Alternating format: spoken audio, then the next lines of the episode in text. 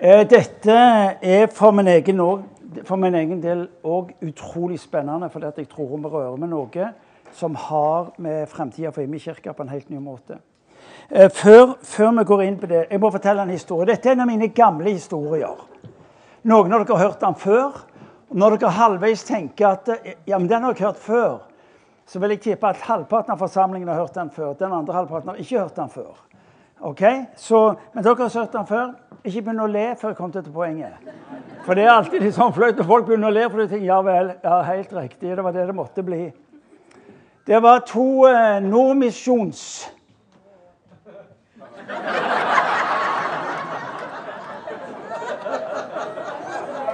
Jeg burde jo ha visst at Irene satt på første benk og sa 'Å, herlighet'. Hun har hørt den 126 000 ganger. Men hun ler like godt. Hun kommer til poenget. Det var to Ikke avbryt, forresten. Det var to nordmisjonspredikanter som Det var det ikke. Det var én nordmisjonspredikant. Du er forvirra. Det var én nordmisjonspredikant som eh, en dag var hjemme, og som skulle gå tur med bikkja si på stranden. Så de eh, gikk ned til stranden, og så hiver han en pinne ut på sjøen og så sier han, 'Hent bikkja'. Og bikkja oppå vannet, henter pinnen og tilbake igjen. Og han tenker 'Wow, dette er jo spesielt'. Parentes, hvor mange har dere hørt han før? Å, her har du godt marked. Flott. Jeg er i gang. så han heiv pinnen en gang til, og så hadde bikkja 'hopp'. Nei, 'hent'. Han får ikke på hopp og hente. Og bikkja oppå vannet henter pinnen og kommer tilbake og tenker dette er jo helt fenomenalt. Og dette skjer hele stranden hennes. Går hjem, Neste dag så får han besøk av en annen sånn nordmisjonspredikant. Det er viktig for meg å understreke nordmisjon. Og så, jeg må vise deg noe, for det, det, er noe med bikkja mi. Ja vel, ned på stranden. Han hiver en pinne ut på sjøen, og så ser han bikkja 'hent'. Og bikkja oppå henter pinnen og tilbake igjen. Men den andre nordmisjonspredikanten, han han reagerer ikke, bare ser dumt, og så Ja vel. Så han hiver pinnen en gang til, fremdeles like taus fra denne nordmisjonspredikanten. Så når de så kom til endes, så spør han seg bikkja du, har du oppdaget noe spesielt med bikkja mi. Ja, så når det første har spør, så sier han kanskje svømme.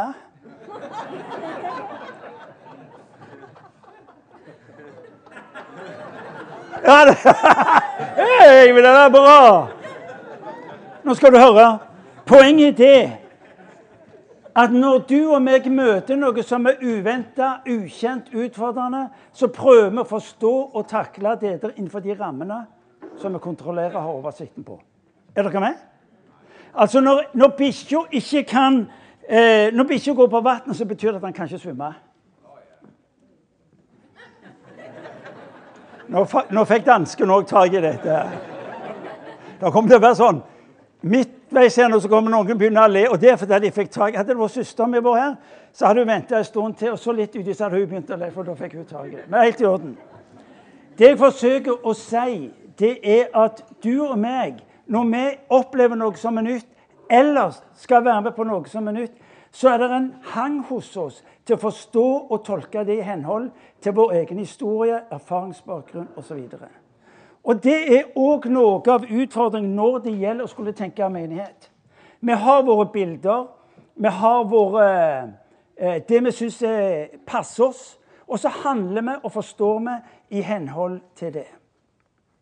Før vi gikk i lag nå, så, så fikk jeg et uh, hilsen fra en av de som ber for meg. Og så Martin, har vært minnet om en salme. Og Jeg tror faktisk jeg skal lese den salmen, fordi den gir oss et perspektiv av det vi holder på med. Det er fra Salme 84, og vi leser Dere må konsentrere dere, fordi det er en eh, 11-12 vers. Der sier eh, salmisten Hvor elskelig dine boliger er, Herre Sebat. Og jeg lengtet, ja, fortærte seg lengsel etter Herrens forgård. Nå jubler hjerte og kropp mot den levende Gud. Spurven har funnet et hjem. Svalen har fått seg et rede hvor den kan legge sine unger. Ved dine altere, Herre Sebot, min konge og min Gud. Salige er de som bor i ditt hus, de skal alltid love deg. Salige er de som har sin styrke i deg, de som lengter etter å dra opp til tempelet. Når de drar gjennom eh, Barka og Trærnes dal, gjør de den til et kildevel, og høstregnet legger sin velsignelse over den. De går fra kraft til kraft. De trer fram for Gud på Sion. Herre herskernes Gud, hør min bønn.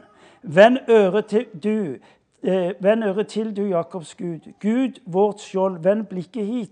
Se på din salvedes ansikt. Ja, en dag i dine forgårder er bedre enn tusen andre.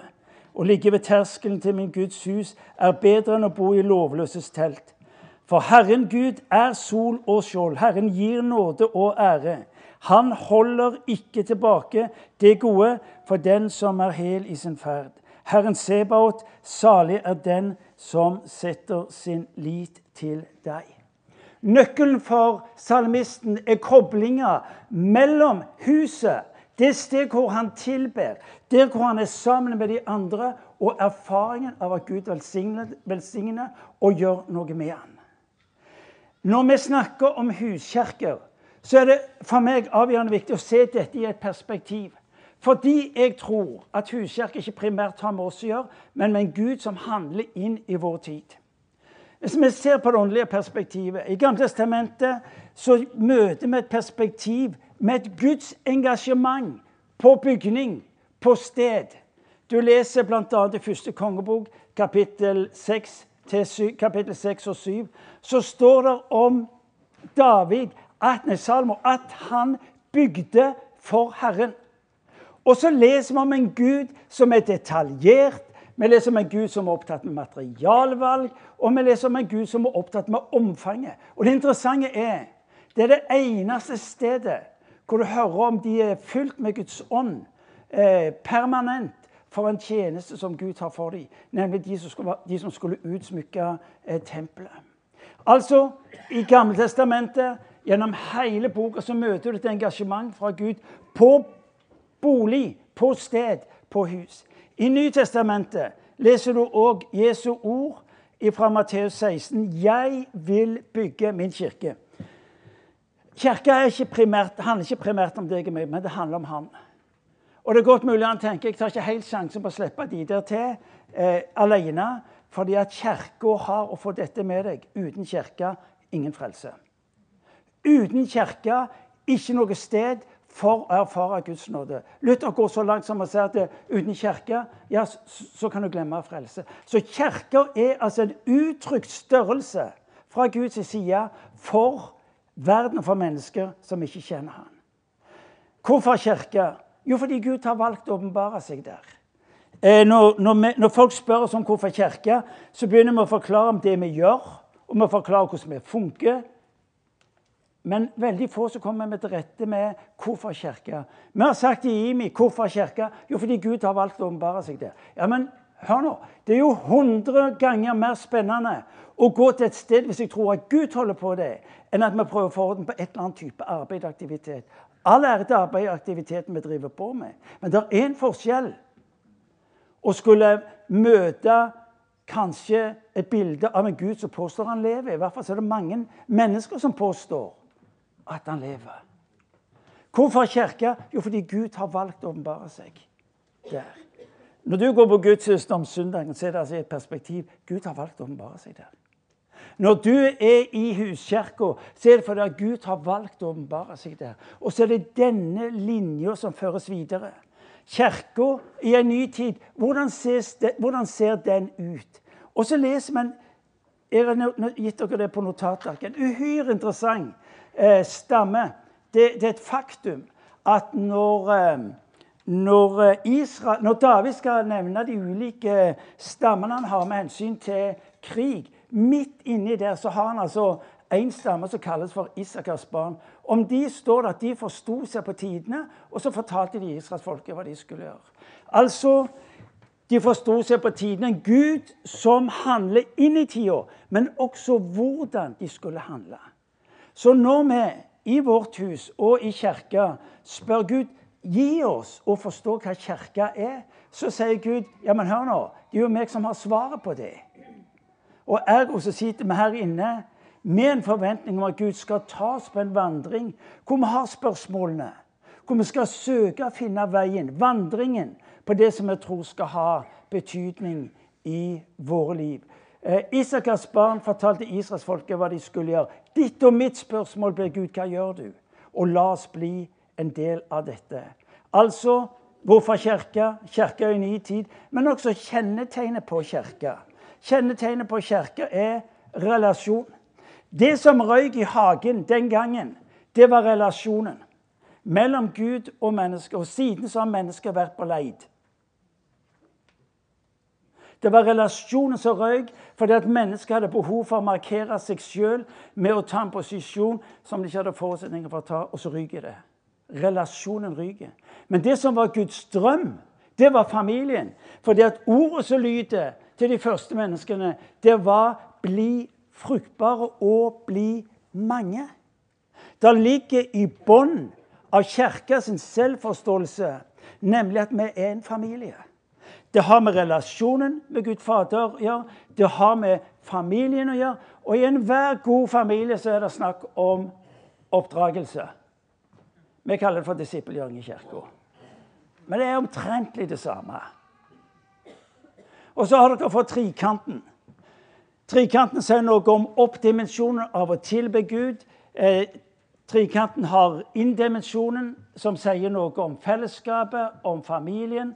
Og så sier trekanten noe om utdimensjonen. Summen av det er der hvor du og meg blir disippelgjort. Er struktur åndelig? Nei, men det har åndelige konsekvenser. Struktur enten så hemmer det framdriften av det Gud vil gjøre mellom oss, eller så fremmer det. Og Derfor så blir det så om å gjøre for oss i IME spør hvilken struktur er det som hjelper oss til den optimale realiseringen av det Gud har lagt på oss. Kjennetegnet kort på kirka. Så et lite historisk perspektiv igjen. Apostlenes gjerninger, kapittel 2, 46. Det er når kirka starter. Det eksploderer. Jerusalem skjønner ikke bedre hva som skjer. Tusener venner seg til denne Kristus. I løpet, i løpet av noen timer så sitter altså Paulus, Johannes og gutta og de spør hva gjør vi nå. 3000 pluss familier og unger. Det er ganske mye, mange mennesker å handle i løpet av en kort tid. Og så virker det som det var med den største selvfølge at de skriver på slutten av det samme kapittelet at de møttes på tempelplassen, og så brøt de brødet i hjemmene. Helt ifra kirkas begynnelse så starter det altså med at de møtes i hjemmene. De møtes på tempelplassen til den store gatheringen, og så møtes de i hjemmene. For nærhet, for å kunne være noe for hverandre, for å utøve kjærlighet overfor hverandre. Og så ble det en magnet for de mange som bodde rundt dem. Og så var ryktet om disse første kristne at eh, se hvor de elsker hverandre. Så forteller deg, Det er ikke noe som har en sånn tiltrekningskraft. Så når mennesker oppdager at miljøene representerer en kilde for kjærlighet og godhet Vi kan ha verdens beste budskap, men det blir nesten som å skulle spise eh, nedfrossen kylling. Kylling er ikke god i frossen tilstand. Men varmer du den opp, synliggjør, synliggjør, du den i menigheten, i familien, jeg vet ikke hva, da kjenner folk lukta.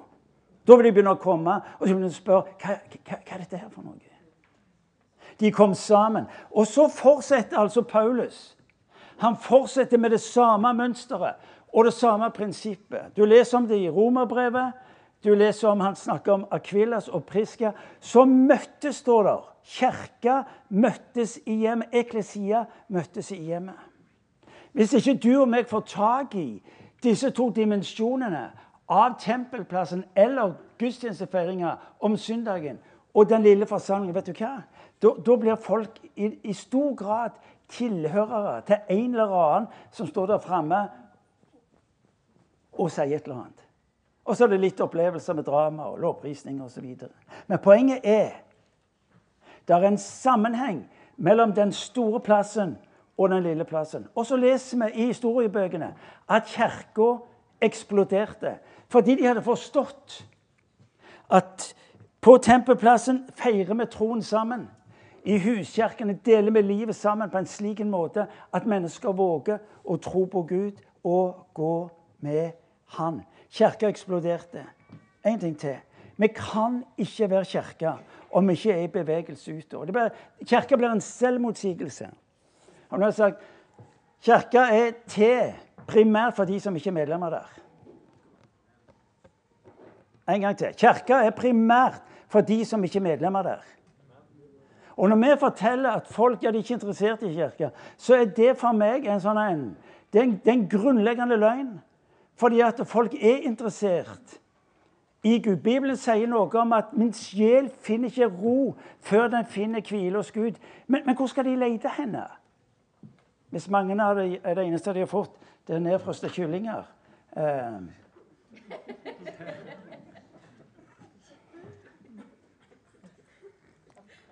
Skal begynne å slutte. Huskirka i IMI er ikke nytt. I Imi-kirka i de åra Irene og meg har vært der, det vil si 37 år, så har det på et vis ligget der hele tida. Men vi har, ikke, vi har, ikke, vært bevisst på det på den ene sida. Vi har ikke forkynt det på den andre sida. Vi har heller ikke strukturert for det. Nå er vi i ei tid hvor vi opplever at Gud ikke tar oss inn i noe nytt, men fører videre det han har begynt mellom oss. Faktum er hvis jeg skulle starte i dag eh, med Stavanger Misjon, senere i min kirke, så hadde jeg starta med huskirke. Det er det vi ser skjer rundt forbi der vi nå planter menigheter i Norge. Vi starter med huskirkene. Vi har mangla huskirkeenheten som det sted hvor vi eh, kan se mennesker dyktiggjort. Det betyr en forskjell i sin hverdag. IMI er i dag i en unik situasjon med en betydelig vekst, betydelig utvikling, mye folk. Vekst og eh, utvikling har noe med disippelskap å gjøre. Og Vi kom til den erkjennelsen i lederskapet i menigheten at vi kom ikke til rette med å gi dere eh, godt nok det dere trenger til å bety en forskjell. For Imi kirke er ikke dette bygget som er her. Imi kirke er ikke de som leder. Imi kirke er dere. Og hver uke er det altså 800-900 Imi kirker rundt omkring i byen. For Imi kirke er der ved ditt liv. Og vi har en erkjennelse av at skal vi lykkes til å gi dere best mulig det dere trenger, så tror vi at huskirka egentlig er nøkkelen. Så det vi gjør, det er at vi ser i sladrespillet så ser vi bakover hva som var nøkkelen i den første kristne kirka.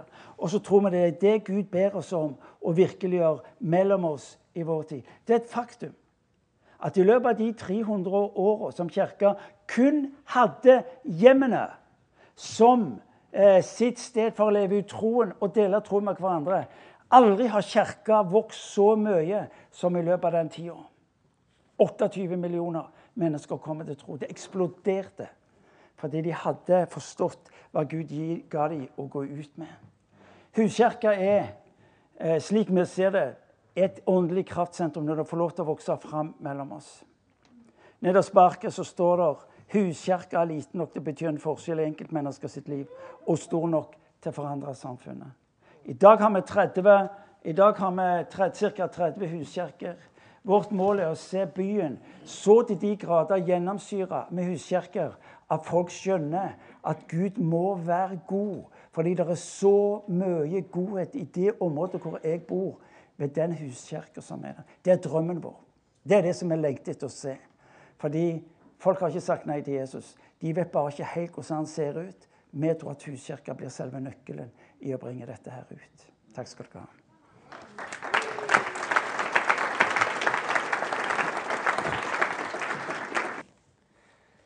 Så bra.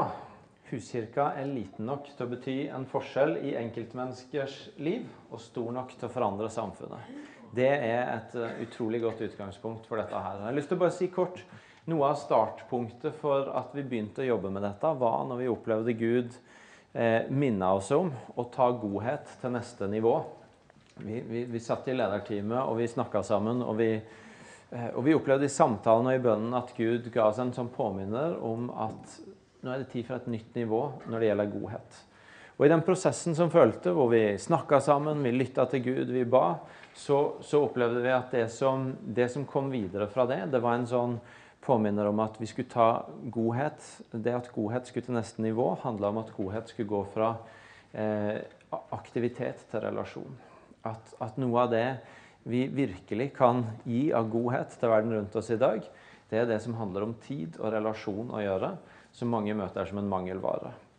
Og ut av det så ble vi pensa inn på dette sporet hvor vi så tilbake til den første kristne kirke, hvor det nettopp var rundt bordet, som er et så kraftfullt sted å møtes, enten vi for mange mennesker og i mange kulturer, men, men som også følger Jesus gjennom evangeliene. ikke sant? Han blir kalt for en storeter, han blir anklaget for hvem han sitter til bords med.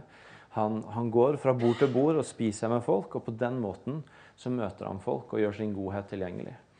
Uh, og vi, vi, uh, vi, fikk denne drømmen om, denne visjonen om huskirker rundt om i hele byen, som gjør at alle mennesker i denne byen, det er drømmen, at alle mennesker i denne byen skal vite at det fins en ledig stol til de rundt et bord i et hjem, hvor de, kan, hvor de kan ha en tilgang til Guds godhet gjennom mennesker som de kjenner. Det er drømmen. En ledig stol rundt et bord til alle mennesker i denne byen, hvor de vet at rundt det bordet så er Guds godhet tilgjengelig. Det er det mennesker som gjerne vil møte meg, som vil høre på meg, som vil be for meg, som bringer Guds rike nær.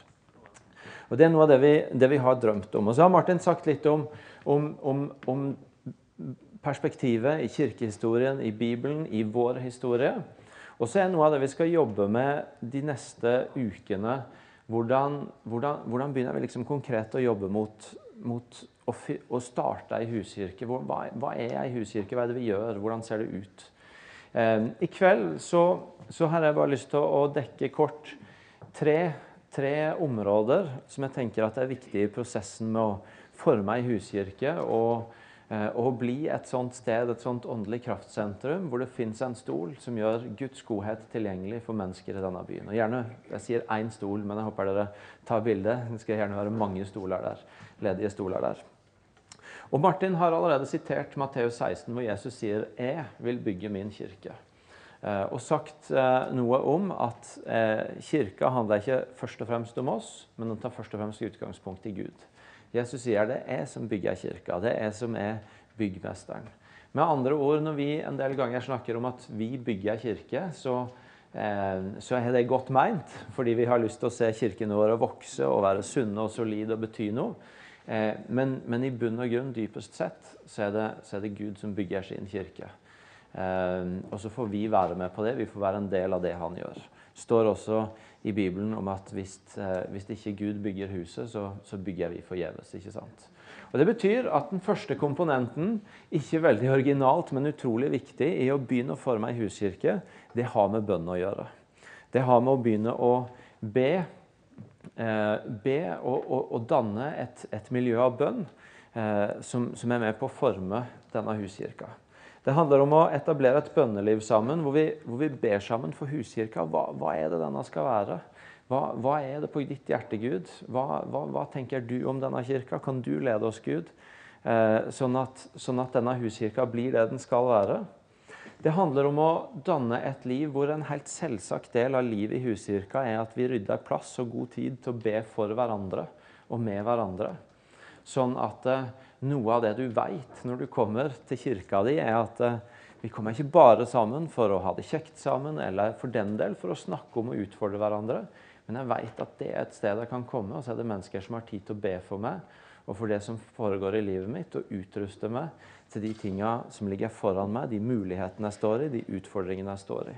Vi ønsker at det skal være et bønnens sted. Og så er det òg utrolig viktig at huskirken etablerer en rytme for at det er en selvsagt ting at her bruker vi også tid på å be for mennesker som ennå ikke kjenner Jesus. Vi ber for arbeidsplassene våre, vi ber for nabolaget vårt. Vi ber for de menneskene som, eh, som Gud har lagt oss på hjertet, og som, vi, eh, og som, vi, som vi tenker at de ønsker vi å se at skal få et møte med Guds godhet. De ønsker vi at skal finne veien tilbake til Gud, som vi skal undervise om i menigheten denne høsten på gudstjenesten. Og neste uke så skal dere få med dere et bønnekort. Vi har trykt opp bønnekort til alle som, eh, som vi har klart til, til neste onsdag. Eh, som er en selvsagt del av livet i huskirka. Et bønnekort hvor du skriver på noen av disse her som vi ber for sammen. Så Som huskirke så trenger vi å etablere et bønneliv hvor vi ber fram livet i huskirka. Helt fra starten av så ligger det der som et fundament. Eh, og hvor vi ber for hverandre og for mennesker rundt. Og samtidig at huskirken er et sted hvor vi, hvor vi deler bønneemnet med hverandre, sånn at vi også har et, et, liv av bønn for og med hverandre i tida mellom at vi samles. At vi veit at noen av de som ber for oss, noen av de som, som vi kan regne med at backer, ikke bare når vi er sammen, men gjennom uka, det er huskirka mi. Ei huskirke som er bygd på bønn. Det andre jeg har lyst til å si noe om som en sånn grunnleggende komponent i forhold til huskirkene, det har med team å gjøre og med fellesskap å gjøre.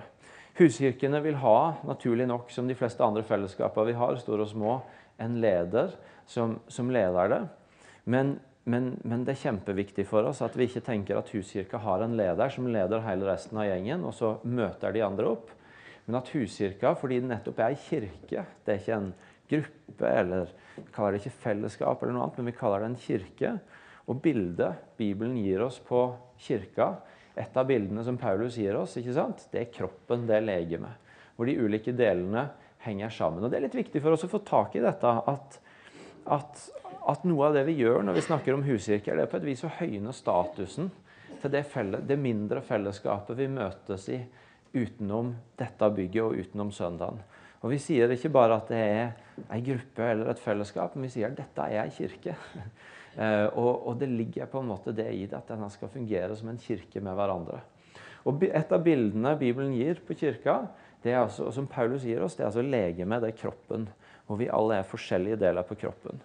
Og Det har jo to konsekvenser. For det første så sier det oss noe om at eh, En kropp den handler sammen, den gjør ting sammen. De ulike delene må gjøre ting sammen for at det skal bli. Og Noe av det vi gjør som huskirke sammen, og samhandler på, det er jo at vi står sammen om å sette en felles kultur i huskirka som vi ønsker at skal prege det livet vi har der. At vi ikke bare tenker at det er en leder som har ansvar for å bestemme hva vi gjør når vi er i huskirke, men at vi blir enige om at vi er en kropp, vi er et fellesskap som sammen setter en kultur i denne kirka for hvordan vi vil ha det. Og, og noen av de tinga kommer, kommer, sikkert vi til å kommunisere over de neste onsdagene, og vi tenker at det er viktig for kulturen i huskirkene. Og noen ting vil dere sammen finne ut når dere ber sammen og snakker sammen, at dette er noe av det som eh, er viktig for oss. Ikke sant? Det kan være ting som at vi ønsker å ha en kultur av, av å leve åpent med hverandre. Vi ønsker bare å sette kulturen at her deler vi livet og snakker åpent. Det er ikke bare en leders ansvar å prøve å hale noe ut av oss, men sammen som legeme, som kropp, så setter vi den kulturen. Eller en kultur av raushet overfor hverandre. Vi ønsker å stille opp for hverandre. Vi ønsker å dele ressursene våre med hverandre. Vi ønsker å være kirke på den måten òg at når én har ei utfordring, så angår det de andre. Og Den kulturen setter vi sammen. Um, eller dette som jeg har snakka om, at, at, det skal være en ledig plass rundt bordet. At, at vi er ei åpen huskirke, ikke sant? Hvor, eh, hvor, det er ikke sånn at du, du kvir deg for å spørre når du har en kollega eller venn som, som kanskje er nysgjerrig på å bli med i kirka, om tror vi at vi får de andre med på det. Men sammen så setter vi en kultur av at her er det plass, selvfølgelig, for, for å ta med nye inn og få en plass rundt bordet. Den kulturen setter vi sammen som kropp, fordi vi, vi, vi er ikke bare en, en, leder og et fellesskap, men vi er et team.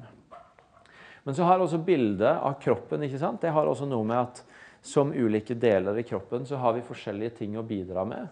Og Der òg tenker jeg at Huskirka handler også om at det, det, skal være noe av dette livet som Paulus beskriver, f.eks. i 1. Korinterbrev eh, 12-14, av, av, at her er gavene våre eh, i, i, bruk. Igjen, som jeg sier, ikke bare en leder som drar ei samling, men at, men at, vi spiller gavene Gud har gitt oss, ut, ut for hverandre. Noen iblant oss har, har, kanskje gaver på det med å, å lede, lede, i tilbedelse. Ja, så er de med og bidrar med det. Noen har kanskje et hjerte for bønn. Ja, så blir de bønneansvarlig i kirka. Noen er utrolig gode på det å lage fest, og vi ønsker å lage fest for vennene våre og, og, og bygge relasjoner. Ja, så, så, har vi en festansvarlig i huskirka vår. Eh, og Dere kan, kan, kan, kan, utvide fantasien sjøl, men, men det, det, jeg prøver å få fram, er at huskirkene har denne her teamdynamikken. Det er, ikke, det er ikke en leder og resten av gjengen, men det er, det er kroppen. Vi ønsker å være kirke for hverandre. Ser Eliane ler. Jeg vet ikke om hun har meldt seg som festansvarlig i huskirka si, eller det er vår, vår festmaker her på huset. Eh, veldig bra. Så det er bønn, det er team. Og så til slutt eh, den siste komponenten, dette, dette, med visjon.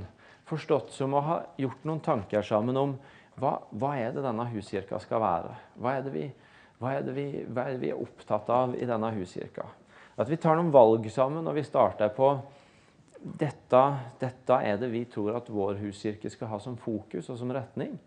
Eh, sånn at det på den ene sida er lettere for folk å finne ut ja, er dette et sted for meg eller ikke. Eh, og på den andre sida at vi slipper å hele veien ha oppe til forhandling. Skal vi, skal vi, gjøre det eller det eller det? Men at vi på en måte har blitt enige om noen ting. Dette er det vi er opptatt av. Og Da kan det være mange valg å ta. Noen av de tingene som har med retning å gjøre, skal vi undervise om på disse kveldene. Men det kan være valg som vi har vi, har vi, fokus på et geografisk område eller på nettverkene våre, på vennene våre? Har vi eh, et spesielt fokus på arbeidsplass, kanskje? Eh, er dette ei huskirke hvor vi ønsker å være en gjeng med familier, store og små? Eh, eller er vi folk i en litt annen livssituasjon? Er dette ei huskirke som vil jevnlig ut og tjene og gjøre ting, versus det å, å mer ha fokus på å utruste hverandre og være med hverandre på de settingene vi naturlig er i? Det er flere sånne valg en kan ta som gjør at en, en setter en retning for hva er det denne huskirka holder på med. I sum det er Gud som bygger sin kirke, eh, og det er Gud som bygger huskirkene våre òg. Eh, og vår mulighet er å, er å, få være med på å se Han lede oss inn til å, til å lage sånne åndelige kraftsentre som er små nok til å bety en forskjell i enkeltmenneskers liv, i våre liv og de liv, livet til de som kommer inn. Og samtidig stor nok til å bety en forskjell og være med å forandre rundt oss. Og Da blir noen av de komponentene vi begynner å bygge med, det blir bønn. Vi ber for kirka, vi ber for omgivelsene våre, vi ber for hverandre. Vi bygger et team hvor, hvor denne huskirka er en kropp, hvor alle bidrar. Og hvor vi, vi får ut gavene i hverandre. Og vi setter ei retning for noe av det vi tenker at dette er det vi ønsker å gjøre sammen.